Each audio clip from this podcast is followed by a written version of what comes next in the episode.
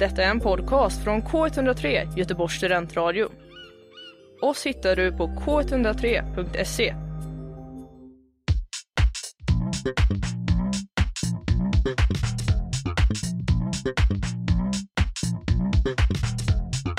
Hej och välkomna till ännu ett avsnitt med Bokkvartetten med mig Lisa, Alexandra och Maja.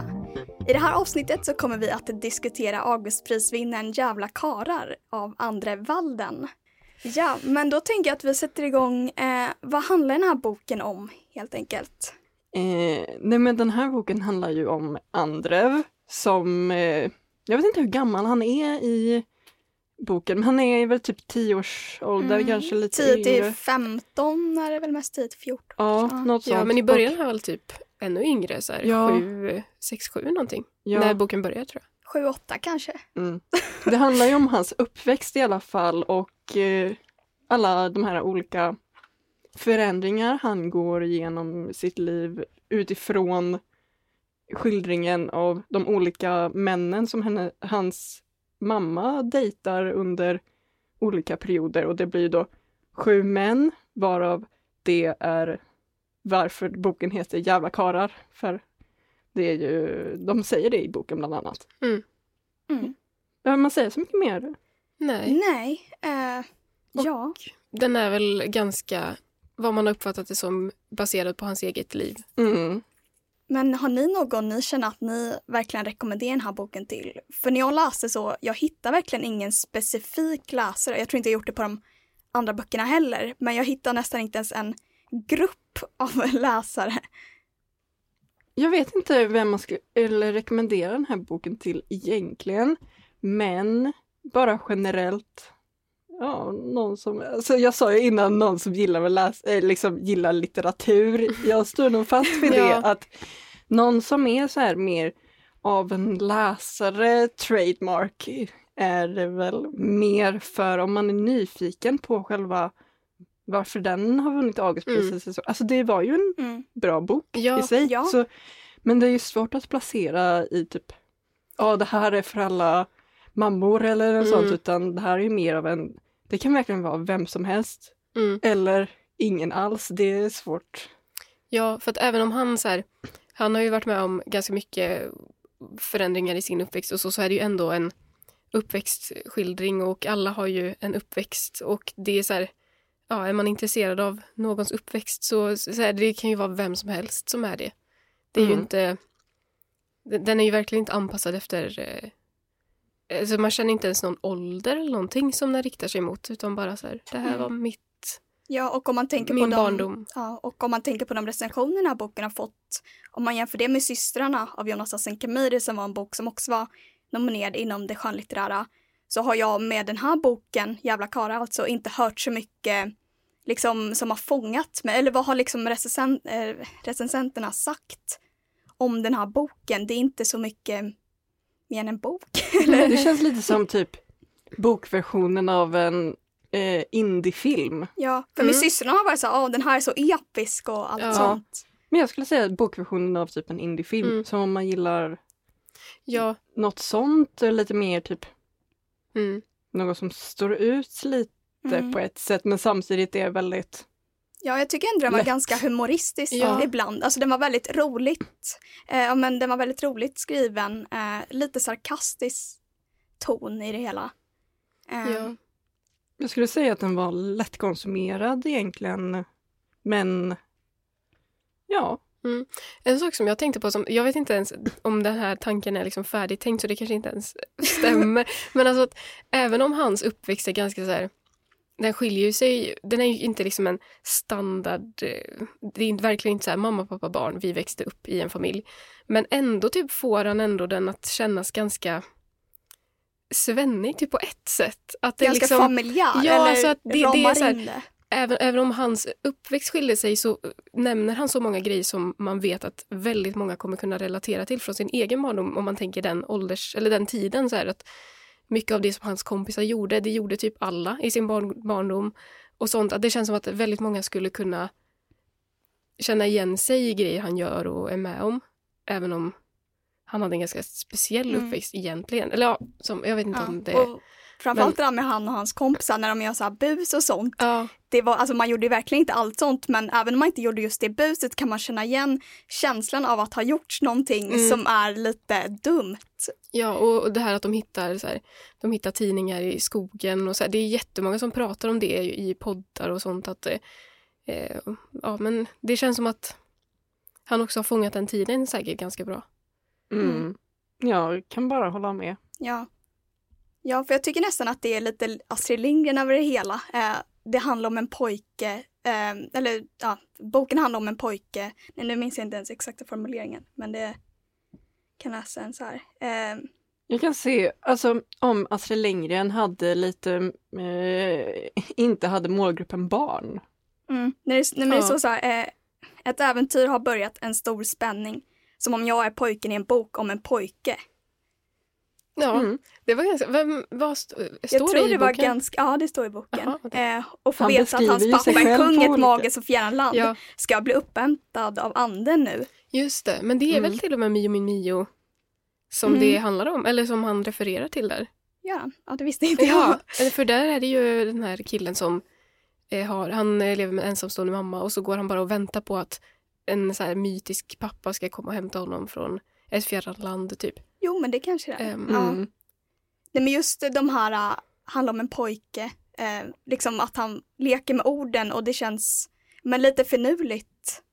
Mm, Ja. Verkligen. Och sen även den nostalgiska känslan, det kanske just det som får mig att tänka på Astrid Lindgren. Mm. Inte liksom karaktärerna så mycket, men mer bara liksom berättelsen i sig. Jag, Mm. jag skulle nog säga att det är hans sätt att beskriva saker Mm. och hans användande av språk på ett lite, så här, lite roligare sätt Mm. där han verkligen utnyttjar det svenska språkets möjligheter som skapar den här lite Astrid Lindgren-associationen. Ja, Men han har ju väldigt målande beskrivningar, man ser ju verkligen framför sig vad han menar även om han använder typ en metafor eller dylikt. ja, för jag tror han beskriver bussen på något sätt, att den har en dragkedsmidja. Och det är så snyggt att man ser bussen framför sig. Okej, Ja. en buss är inte så, man vet ju hur en sån ser ut, men det är verkligen också att, eh, och sen även att gardinerna var picknick, eh, så här aktiga, rutiga eller ja. Då går vi vidare eh, och nu kommer en spoilervarning så de som inte har läst boken och som gärna vill läsa boken eh, får kanske sluta lyssna här. Och sen komma tillbaka förstås. Eh, och sen komma tillbaka. Det får ni göra. Vår nästa rubrik är karaktärer. Det är väl snarare ett försök att prata om karaktärer. För jag, eh, vad ska man säga om dem helt, enkelt? Vilka är så här, huvudkaraktärerna? Det är ju Andrev då. Ja. Det blir lite den här det andras värld och alla andra bara lever i den. Ja. Det är Ja. lite den eh, nivån. Samtidigt får man inte heller, man får ju en bild av en, vem Andrev är, men man får ju snarare en bild av hans kompisar. ja. Eh, Men det gör han ju också väldigt bra egentligen, det här att man får verkligen den här känslan av att man är i hans liv. Och lite som eh, i vissa barnprogram och så var att när föräldrarna var, gick förbi så var det typ bara benen. Eller så här att man inte egentligen någonsin kommer in i, att man får ju egentligen aldrig en förståelse för till exempel mammas perspektiv. Utan det, allting är ju bara förstått utifrån det man kan tolka genom Andrev. Och han förstår ju inte allting, allting när han är liten. mm. Utan man måste så förstå själv typ vad Ja, och jag tycker det är så fint att det nämns ju inte något namn utan han Andrev har ju smeknamn på alla som en av hans eh, styv pappa är, ja men säger han ju, vä- växtmagiken Mm. och eh, konstnären och tjuven och sen även hans kompisar, eh, cyklopen. Åh, Ja, cyklopen. ensamma mammans dotter. Ja, Ja. verkligen. Lilla molnet. Ja. Lill- Lilla molnet var så gulligt. Tror ni att det är för, alltså för att hon röker? För att hon röker. Ja, att det Ja, blir ett moln. För att det, det är alltid ett moln runt Mm. henne. Ja, jag, tänk, liksom. jag tänkte det, men så tänkte jag också så här, varför lilla mål? Eller så här, för det blir också Kanske var ganska kort. För det var ju ett eller? litet moln. Det Ja. var ju inte ett stort moln. Nej, men jag tänkte, moln. ja, okej, ja, nej. jag tänkte att hon var kort annars. Nej, det kanske ja, för det tänkte jag också på, var hon liten, alltså var hon så här, en liten Jag, petit jag människa? föreställer mig henne som typ såhär lilla My nästan. I Mumin. Nej på nej. Nej, det är Jag riktigt bara, så långt. Nej, jag Okej. minns bara när Ehm. du nämnde hur du tänkte att Klara såg ut i Klara Sogen som en typ en liten kub eller vad du sa. ja, Ja, just det. jag förstår i alla fall det. Ja. Låter så det, ja. Mm. Ja. Eh, Mm. Men det var också väldigt fint, eh, för det säger ju, de, eh, oj, de här namnen säger ju också mycket om personen bara inom namnet. mm. Och även hur andra uppfattar personen.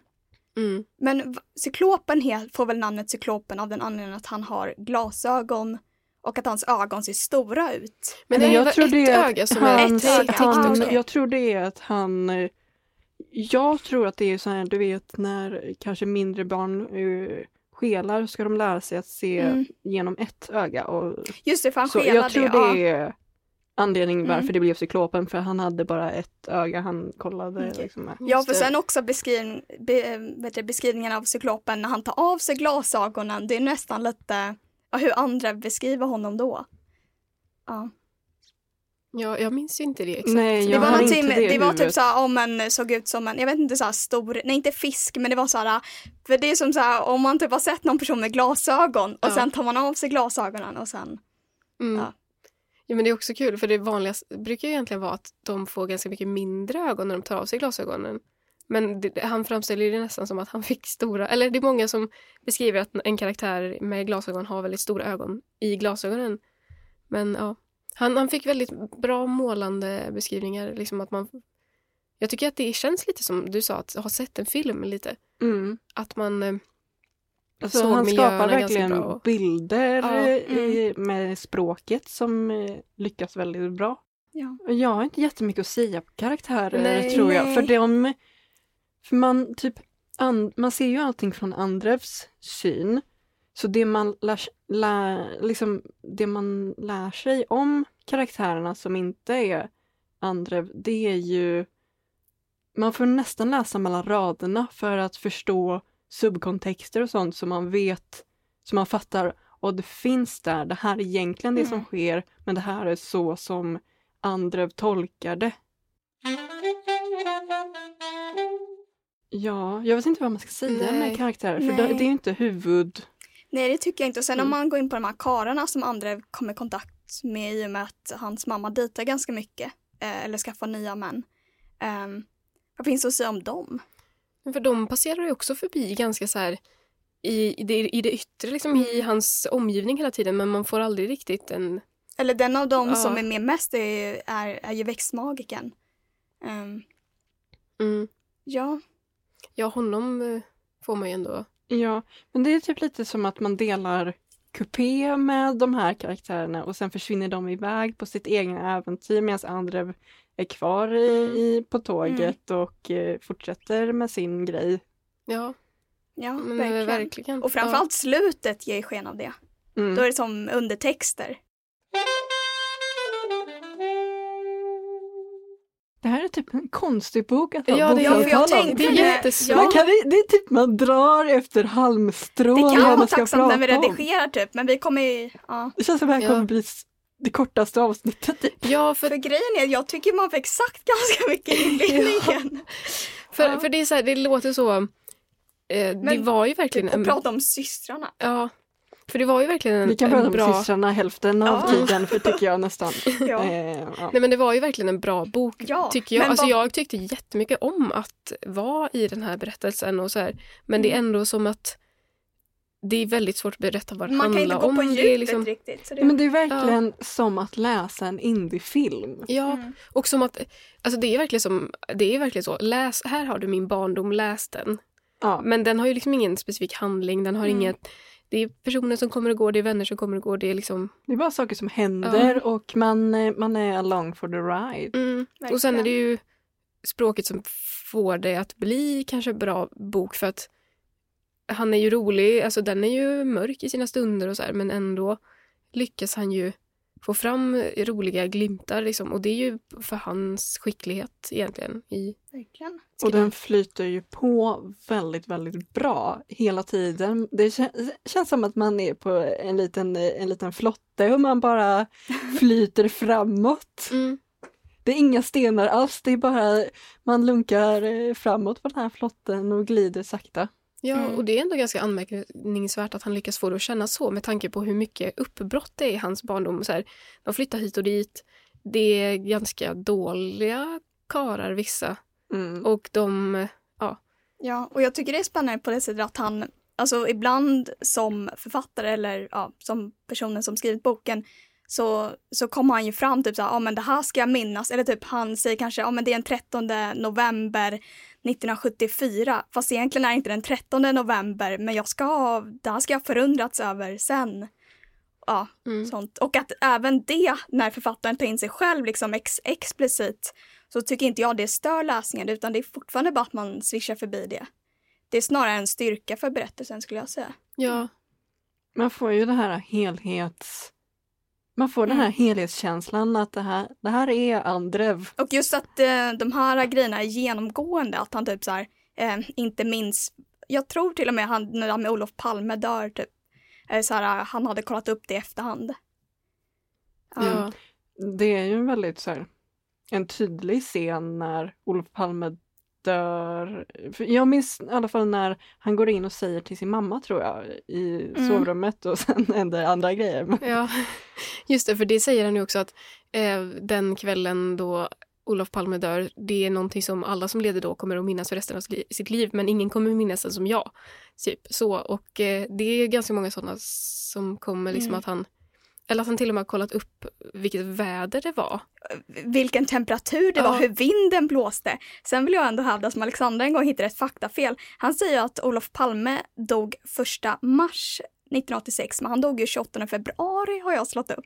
Men, men han dog på, han Okej, dog på okej, kvällen, ja. natten. Så var inte det typ så här till- 23 någonting? Jo, det Ja, var verkligen men då- natten fick- till, mm, men man fick ju reda på det första Jag mars. vet, men- Så just där så tycker jag, Att det är Ja. okej. ha, det kom ju på nyheterna första mars. Ja. Så han fick ju reda på det första mars. Men Palme dog ju 28. Ja, men det var inte, inte lika allvarligt som att eh, 31 april fanns i den där halva Malmö. Nej, nej, Ja, här, precis. som- Det, Aj, aj, aj. En av styrkorna med boken är ju verkligen språket, tycker jag i alla fall. Mm. Eh, och när jag, eh, under tiden jag läste, eller vilket jag gör med alla andra böcker, så brukar jag skriva ner träffande, roliga och fina citat helt enkelt. Och Maja, det har ju du också gjort. Ja, det är ganska... Det var, jag lyssnade ju på boken och ibland så kan jag bli lite så besvärad av det för att jag, Ja, man, man hör någonting Mm. man bara så, åh nej nu måste jag pausa för, Jag att, orkar inte. för, för i vanliga fall så brukar man ju bara då kunna skriva av det eller stryka under eller någonting. Men det, det var så bra grejer så man kunde liksom inte låta bli att Nej, inte... Det var värt att liksom ta de där, eller ta Ja. den där minuten för att skriva ner.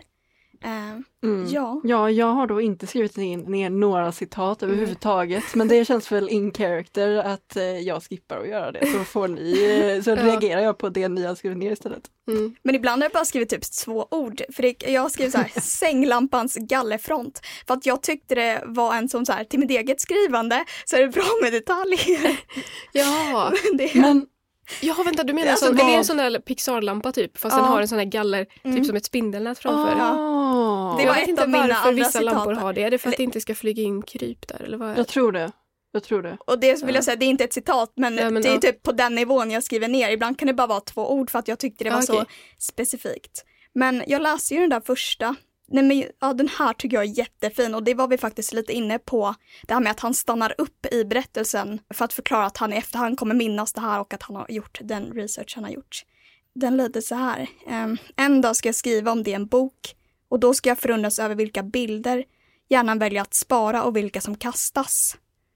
Det är så fint. Mm.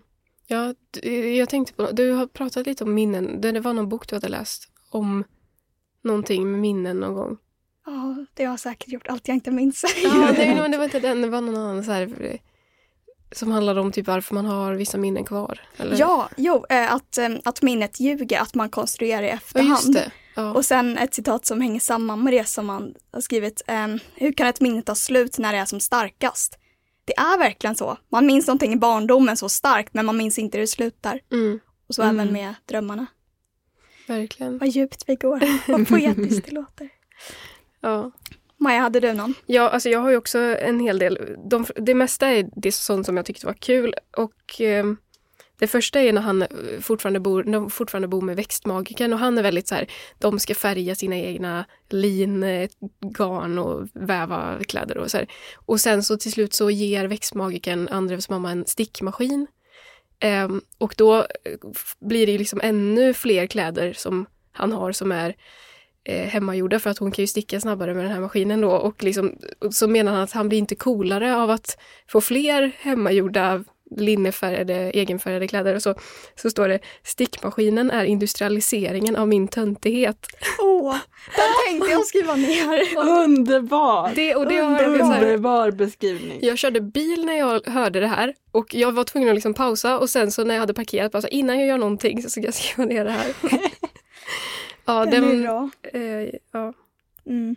Ja, och sen den här. Eh, jag vet inte hur pappor börjar och slutar, men jag ska snart förstå att familjens gränser är lösa. Det, där med att, det är väl också lite som med att vi swishar in och ut hela tiden. Mm. Att man liksom aldrig... Ja, men Alltså vissa personer bara kommer och, Och går, går, ja. och kan betyda en jättestor del av ens liv eller ens familj Mm. men sedan försvinna bort och man Ja. aldrig hör från dem igen. För de här Mm. männen framförallt, eh, det är väl, ja, ja det är det citatet syftar på. Eh, som Andrev, han har ju liksom, eller det finns ju en frånvaro av pappa, eller av, av, av en pappa i boken och då liksom, de här fyller väl ett liksom tomrum för honom då, bara, en, eh, bara ett kort ögonblick och sen kommer nästa. Men Mm. också det där med att han inte vet hur de börjar och slutar men sen det är typ en jacka eh, i hallen eller en, en mössa på hyllan typ. ja. Som är små detaljerna. Just det, räknas, räknar man med papp, den riktiga pappan som en av papporna?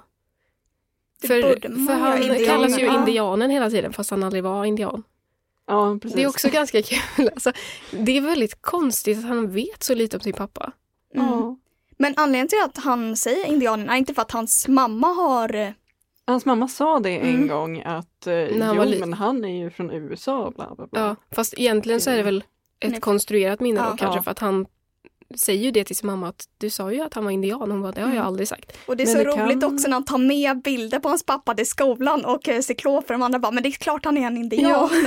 det är så roligt. För han så var väl egentligen kompisen från Tyskland va? Från Hamburg, Ja. ja. Ja. Och jag tror, för, men det kan också vara eh, med det att mamman vill ändå skapa typ någon slags saga kring hans eh, pappa eftersom att han inte hade någon så här riktig pappa som, för han har ju syskon också, Mm. Andrev. Mm. Eh, och syskonen har ju växtmagikern som Ja. pappa och då är det ändå tydligt vart de kommer ifrån medan Andrev saknar ju den delen. Och då, ja, och växtmagikern hindrar ju också paketen som kommer, faktiskt kommer från pappa. ja. ja. Ja, Men jag tycker också hans, eller, hans relation till papporna är väldigt roliga. Eh, Mm. är- han, skri, han skriver till exempel pappa är som väder eller växtverk. Ibland får man bara bita ihop. Mm. Han känns ju som att han är väldigt skeptisk till samtliga av de här ja. papporna förutom sin egna pappa och det är väl ändå, ändå rätt typiskt för sådana här Mm. typer av berättelser när det är den här nya pappan men man är sur att familjen är splittrad eller så. Ja. Lite, Mm. Men också att Men- han, eller, nej men att han idylliserar väl sin pappa genom hela barndomen och sen när de slutligen träffas så blir han ju lite besviken på pappan också. Så det är ju som att han, det slutar med att han, han har haft sju pappor men det slutar med att han inte har någon pappa nästan. För att han, eller det var ju det här att det var för sent då för pappan att, Mm. att ta upp relationen när han var vuxen. Eller han är väl inte vuxen vuxen men typ. mm. Ja. Pappan var vännerna vi gjorde, vi skapade på vägen. Were the Ja. friends we made along the way. Mm. Alltså det var, Ja. ett, Men det är väl också så det var ett här, försök till skämt. Vi kan Men bort. när man- när man har något att längta efter Ja. och så är man väl där, alltså i mål, då är det nästan en härligare känsla att längta ibland. Mm. Att han vet att han har en pappa på, nu är inte det andra sidan jorden, men liksom i ett annat land. Och att liksom att han finns där, men sen blir pappan så fysiskt för honom när han väl träffar honom. Mm. Mm. Ehm, Nej, men jag Ja. tror absolut att det är det det ligger. Han har ju ändå drömt fram en så här en cool tanke om mm. Min och sen är han pappa är- taxichaufför. Ja. är liksom 10 av 10 människor. Han är en actionhjälte i princip och så träffar han och inser att det här är en vanlig snubbe.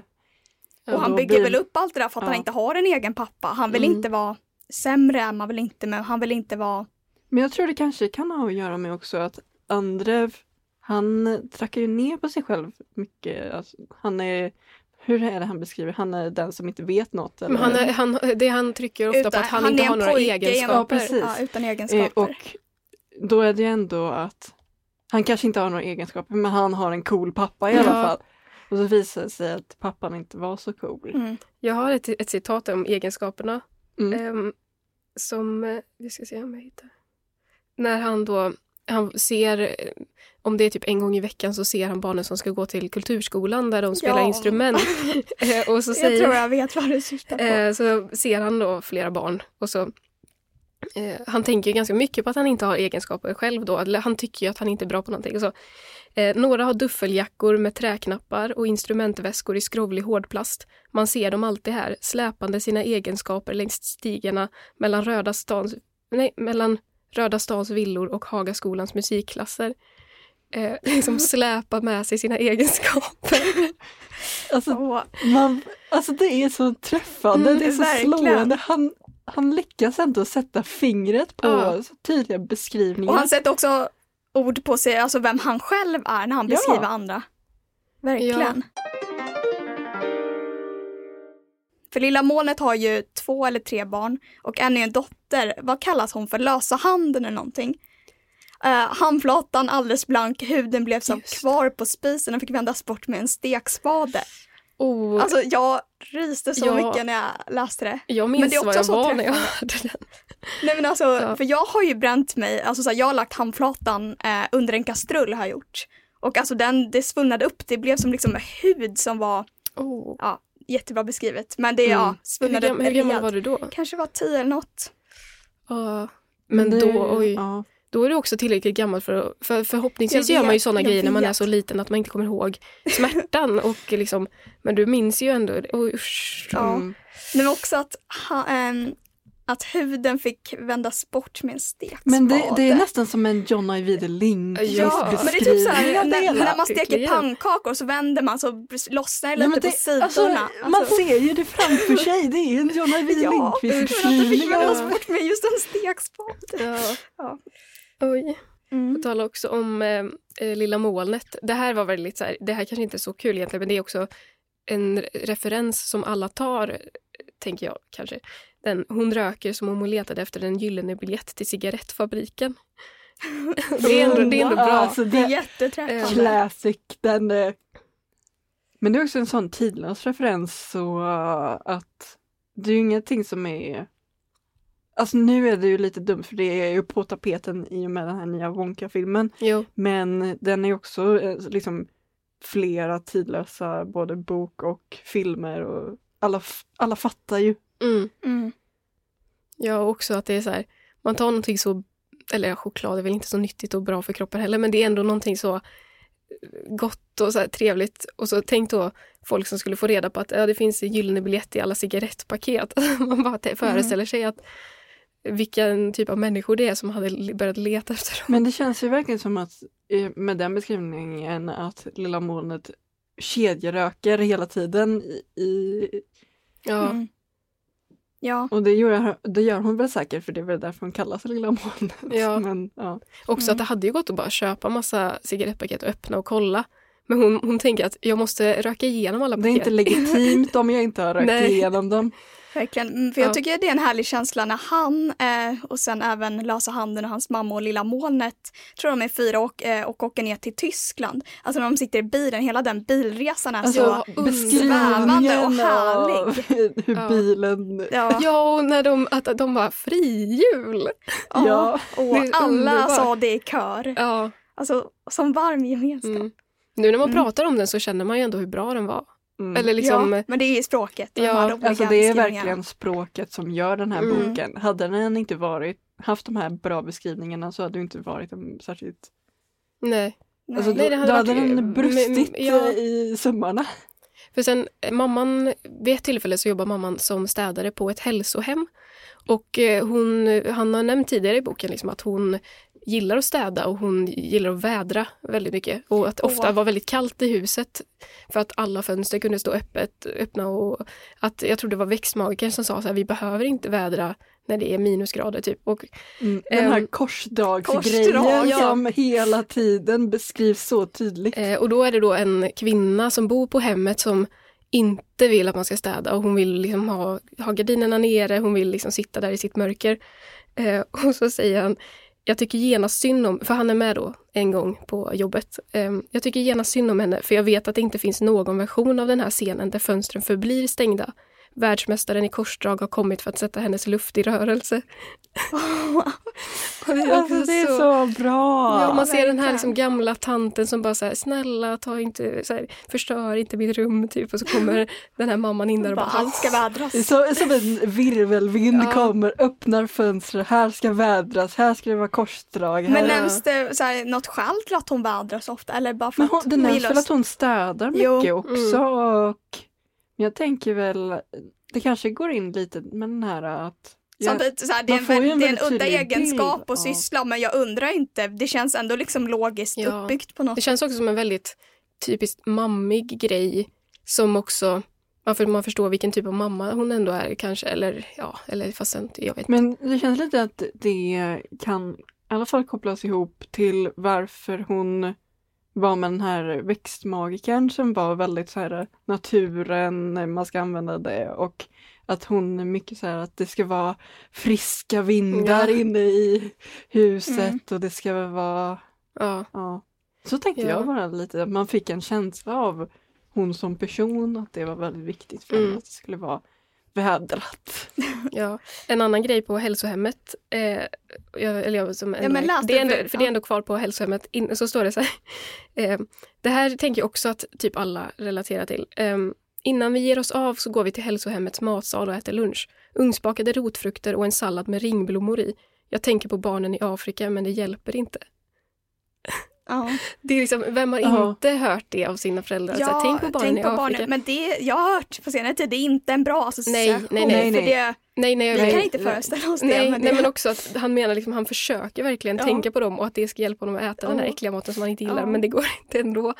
Och att liksom den här då, också känslan av att man gör någon, så här, sin förälder typ besviken för att man inte kan äta upp, men liksom så här, att det inte hjälpte. ja. Det var Sen så här, det där lät ju inte så gott.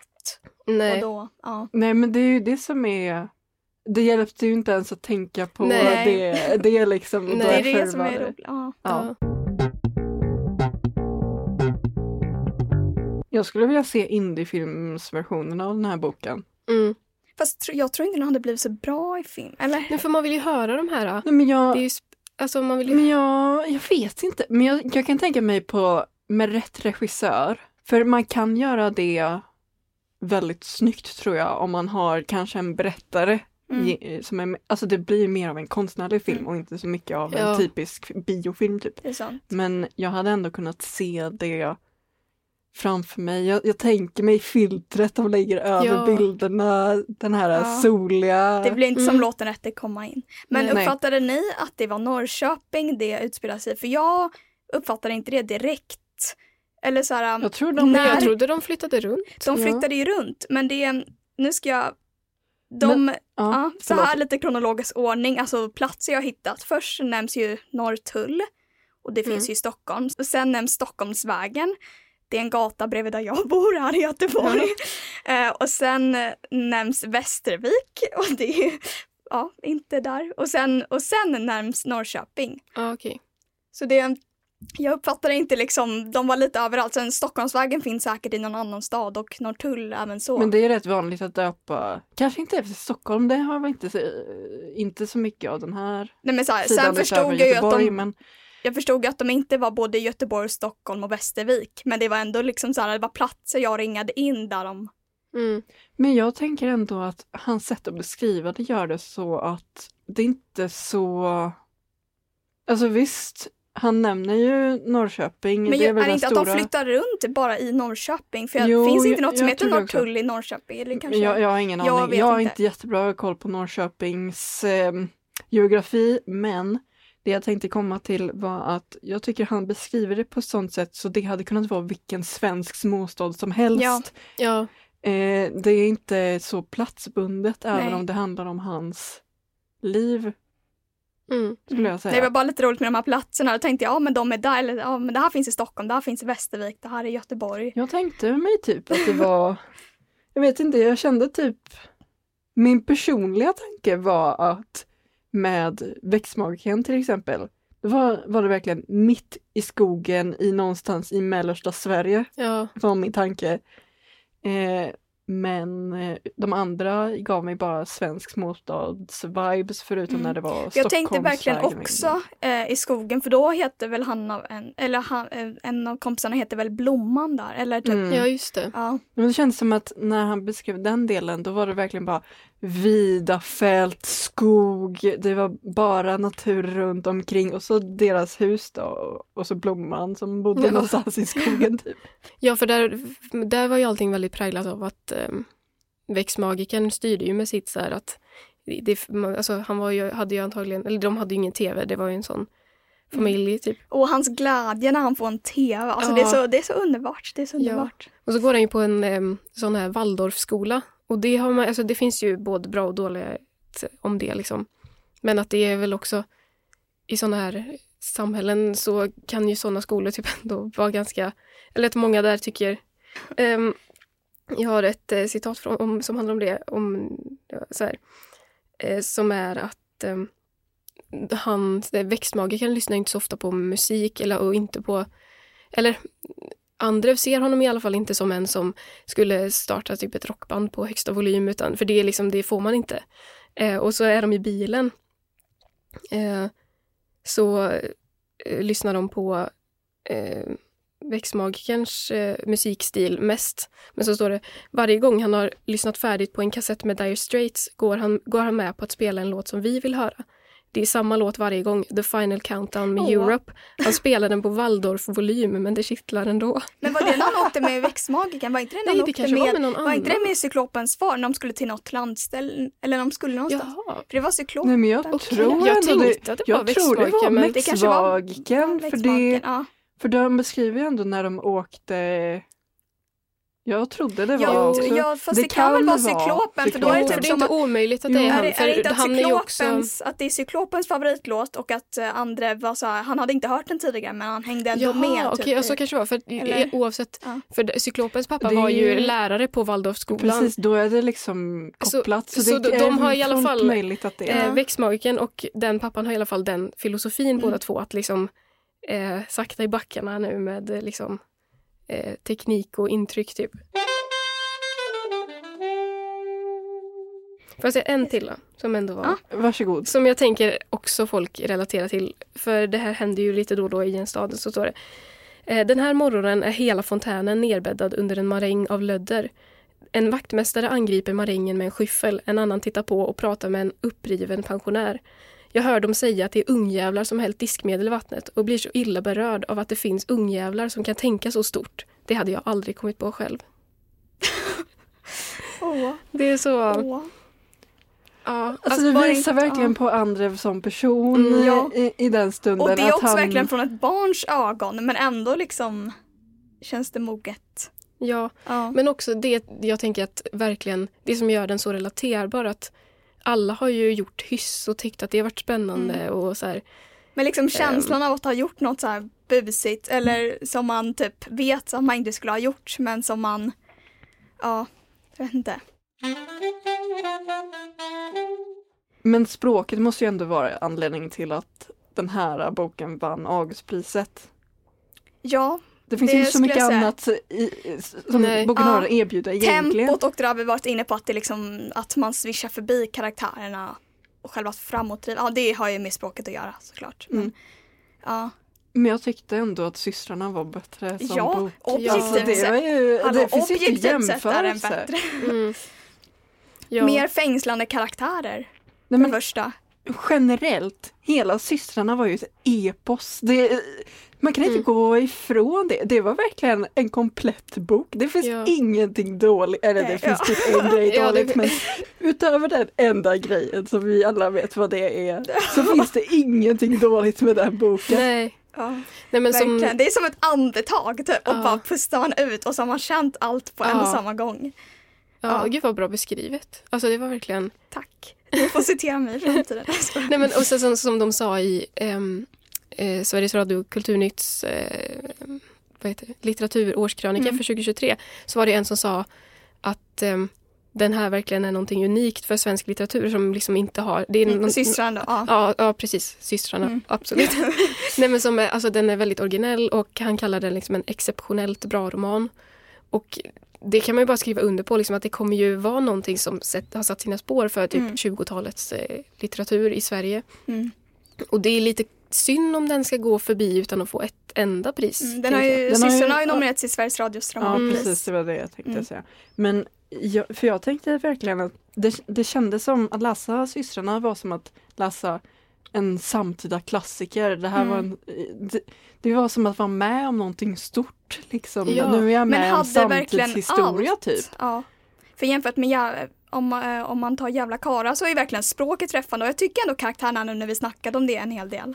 Men systrarna är liksom som att man är inuti boken också och inte bara liksom Ja, man kan inte sluta tänka på- på, ja. det när man inte läser. Mm. Och ja, Alltså jag så... tyckte, alltså Jävla Kara var en bra bok. Det går inte att gå ifrån det. Men jämför man då, den med systrarna så är det verkligen bara Ja den är- var en bra bok men inte så mycket mer. För ja. systrarna gör allting som Jävla Kara gör. Mm. Fast typ 10-20 Mm. gånger bättre. Ja, och det är verkligen, det är ju en jättefyndigt skriven bok men det är en vanlig bok. Ja. Och Mm. Systrarna är inte en vanlig bok. Den är liksom Nej.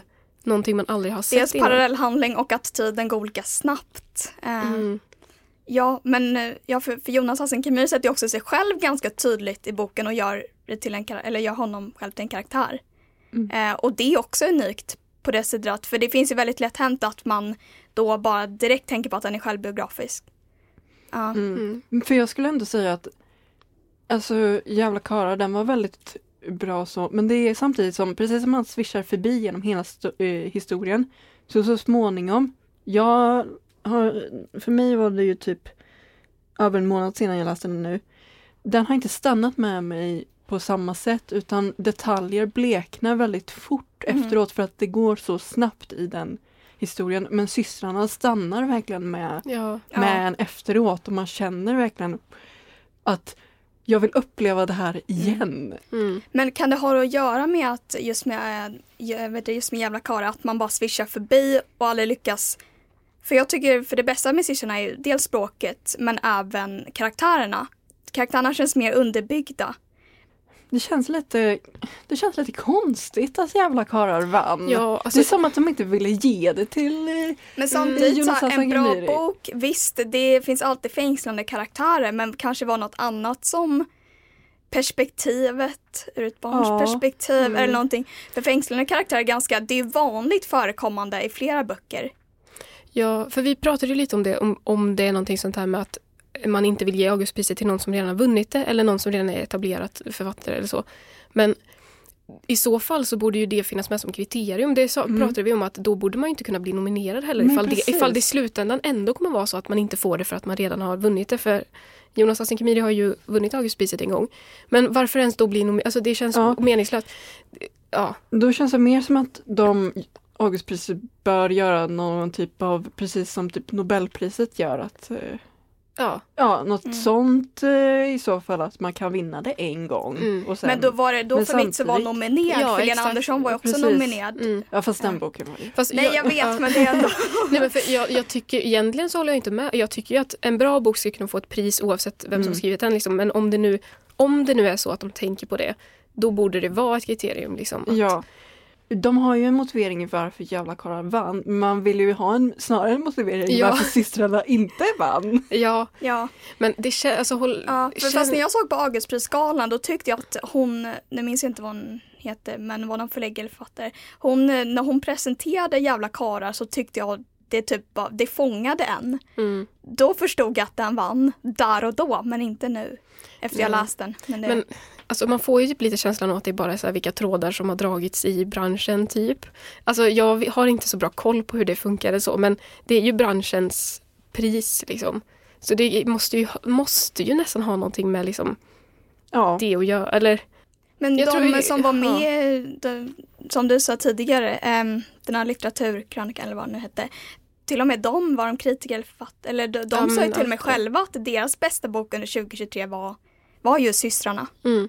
Sen är inte det de som väljer. Vilka är det egentligen som väljer Augustpriset? Ja, men det är väl de- olika Ja, branschfolk. Ja, tror jag. Men det känns ju lite som typ Alltså de måste ju ha haft något internt att de bestämde, tyckte någon, jag vill att någon ska åtminstone tycka i så fall att jävla karlar var bättre än systrarna. För då Men måste eller ju fast alla grejen ha handlar om vad som är bra och dåligt? Handlar inte vad den här kanske tillför eller liksom rätt Men, i och- tid? Eller? Hur kan man men då man inte säga att systrarna kommer tillföra ja, mer till svensk systrarna litteratur? ska vinna. Systrarna ska vinna, absolut. Men jag menar liksom vad, om man typ, vi- om man tittar liksom Mm. För det måste ju vara att Nej, men- folk, det måste väl vara att alla som sitter i den här äh, kommittén röstar på den boken. Jag vet inte hur många medlemmar det är eller så. Jag vet inte hur stor jury de har heller. Men antingen är det, om de har många medlemmar, så är det ju att alla läser alla böcker och sedan röstar på den man tycker är bäst. Eller Mm. så är det att de tillsammans diskuterar det. Men problemet är att om det skulle vara röst, Fast det är eller? mer att jag har Vänta. problem med Oscar. Det, Här, här, det är så, här så de står det så här. Eh, prisets historia, Augustpriset. Pri, vinnaren utses genom en sammanvägning av rösterna från allmänheten och en jurygrupp. Allmänheten. Men eh, vadå, när fick man reda på att det var möjligt att rösta på Augustpriset? Allmänheten, Alltså, vi ingår väl också i allmänheten eller? Var är våra röster? Men det tycker jag är dumt. För allmänheten kommer ju rösta på den boken som är populärast och Ja. systrarna är liksom dubbla Ja, längd. men det var det jag var inne på lite Ja, tidigare. För, för recensenterna, man har mer, alltså systrarna har ju fått mer ett medialt utrymme. Alltså såhär, man har bara hört om den mer. Mm. Och ändå har man inte liksom aktivt sökt sig till det. Ehm, och det allmänheten, kom, alltså allmänheten kommer Mm. inte läsa alla innan Nej. man lägger en Nej. röst utan Samtidigt- de läser kanske en eller två. men om Mm. det sker via röstning eller, eller genom röstning, ehm, vi säger om det typ blir så här 50-51, eller så här, det kan ju vara oerhört jämnt. Alltså i, i de som röstar. Eller bland de som röstar. Jag känner man får begära ut eh, hur nära var det egentligen här? Hallå? Är det en offentlig handling kanske, eller? Nej, jag vet Kan inte. bli vårt gräv. Kan bli vårt gräv. Vårt gräv ja. Mm. Mm. Men är det inte som som i. Guldbaggen eller typ några andra program att man liksom en sammankomst, de Mm. diskuterar och väljer Jo, är där och då på plats? Så är det Men- kanske. Jag förstår inte hur de tänkte då. Men för- grejen är att det har säkert stått men mellan alltså jävla det- karlar och systrarna. Ja, men det vet man ju. De andra Ja, är ju bara ja. så här, vi måste ju ha sexböcker. Typ. Ja. Säger jag som inte har läst det. Jag har, kan ju verkligen inte Jag har läst men- fyra av dessa. Eh, och jag skulle ändå säga att systrarna lätt, Mm. lätt är den bästa. Ja, Ja. för att så här, ja, hur bra Jävla karlar än var så är jag, jag tycker verkligen att det var en så Men då kan väl jävla karlar vara nominerad till Sveriges Radios romanpris heller Men det är den inte. Nej, det är den inte. Nej, alltså någonting måste han ju ändå För han är få väl, för för han, för han systrarna, alltså. debuterar väl, eller? Ja. Då kan han få Borås Tidnings debu- äh, Ja. debutantpris Det är också. Ja. mycket bi- mer i Det prispengar plus också. Sveriges Radios romanpris. Ja. Ja, så kan Mm. Jonas Hassan Khemiri få Augustpriset för andra gången. Ja. Rättvist, löst, check. För att det var ju samma diskussion när Lydia Sandgren fick Augustpriset för um, samlade verk. För den ställdes ju, då var det ju Claes Östergrens Renegater som ställdes mot den. Och att det var många som diskuterade då att ah, men det är säkert Lydia Sandgren som kommer vinna för att Claes Östergren är ju så känd redan och han har ju redan eh, bla bla Men hade du läst den boken? Nej, eller? jag har inte läst hans bok men jag vet ju liksom att hur känd han är och så här. Och, att, och då tycker jag också att det är tråkigt om, om, man ska, om man kan bli nominerad till ett pris så borde de ju sen då kunna titta på dem nyktert, så här, vilken är bäst? Inte så här väga in då att han är etablerad sedan länge. Samtidigt så här, Eller? idag är det ju mer så här person än det man gör som typ, Ja. det har blivit så personifierat. Samlade verk var ju riktigt, riktigt Jo, bra. Jo, det är sant. Och sen också Renegater är så här, tredje boken i en trilogi. Det, men då är det också som att de tänker så här, vilken kommer folk att läsa? De kommer inte läsa tredje boken i en trilogi om de inte vet. Fast samtidigt Mm, kan det också men- bli åt andra hållet om det, det liksom nu öppnar upp för. Jag tycker verkligen man ska se dem neutralt och objektivt. Och Mm. det gör man säkert. Men typ för, för vet du, debutanterna ska ju också ha en chans att vinna. Alltså det är det som är det fina med Ja, att vem som helst kan vinna. jo, Man behöver inte Absolut. vara en etablerad författare för att vinna. nej, nej, men det stämmer ju åt båda håll.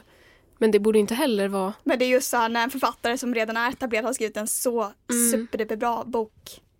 Men Alltså, han, han får bara vänta på Nobelpriset. Ja, jag tror nästan det. Men, 2050 kanske. Ja. 2040. för, för jag tänker lite så här att om man tänker hundra år från nu, Mm. man kommer ju jag Det tänkte finns mig att man, en folk kommer läsa systrarna Ja, men, men det ingen finns- kommer ha hört Nej. om jävla karlar. Men kemiriska, Tyvärr. alltså Jonas Ja. Hassan Kemiris språk som nu har nämnts som kemiriska, det finns ju redan.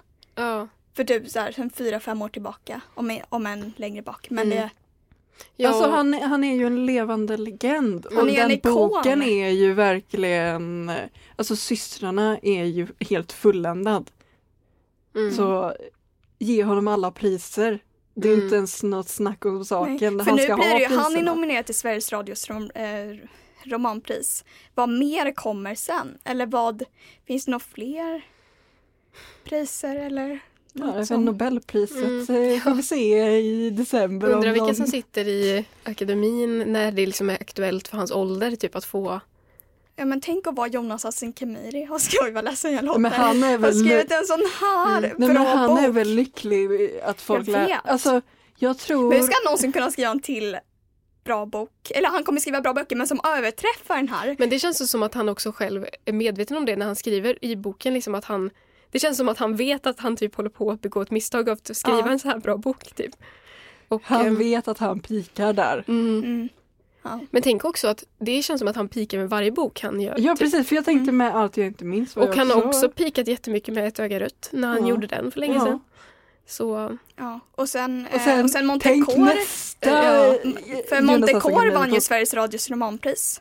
man kommer ju typ inte, om det fortsätter i den här liksom upp... Alltså han kommer ju Frågan om man ens klarar av alltså, att läsa en bok nej. om 20 år. Alltså man kommer typ svimma.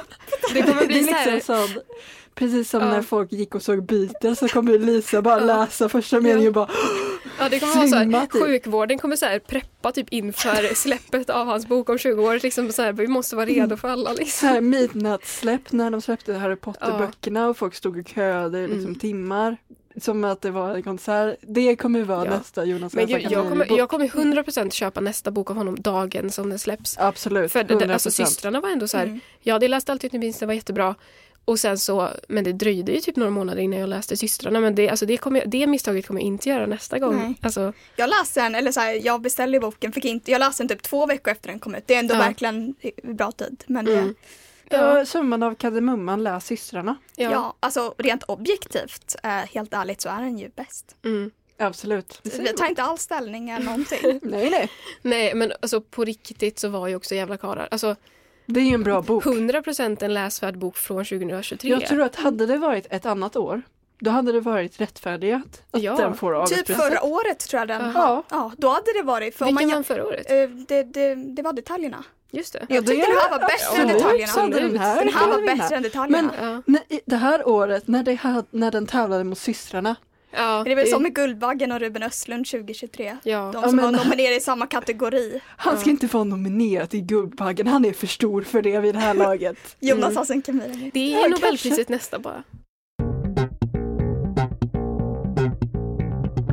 Ja, det här var det vi hade att säga om Jävla karar.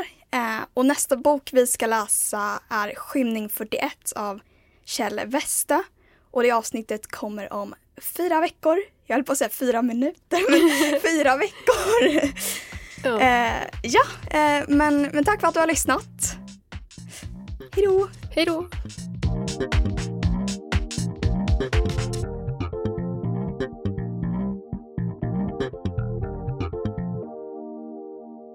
Men inte bara- Alexandra var vi så här, jag rekommenderar den här boken till någon som gillar litteratur. Så här, För det är Ja. liksom inte alla böcker. Ja. Du har hört en podcast från K103 Göteborgs studentradio. Du hittar alla våra program på k103.se. Följ oss på Facebook eller Instagram. Vi hörs!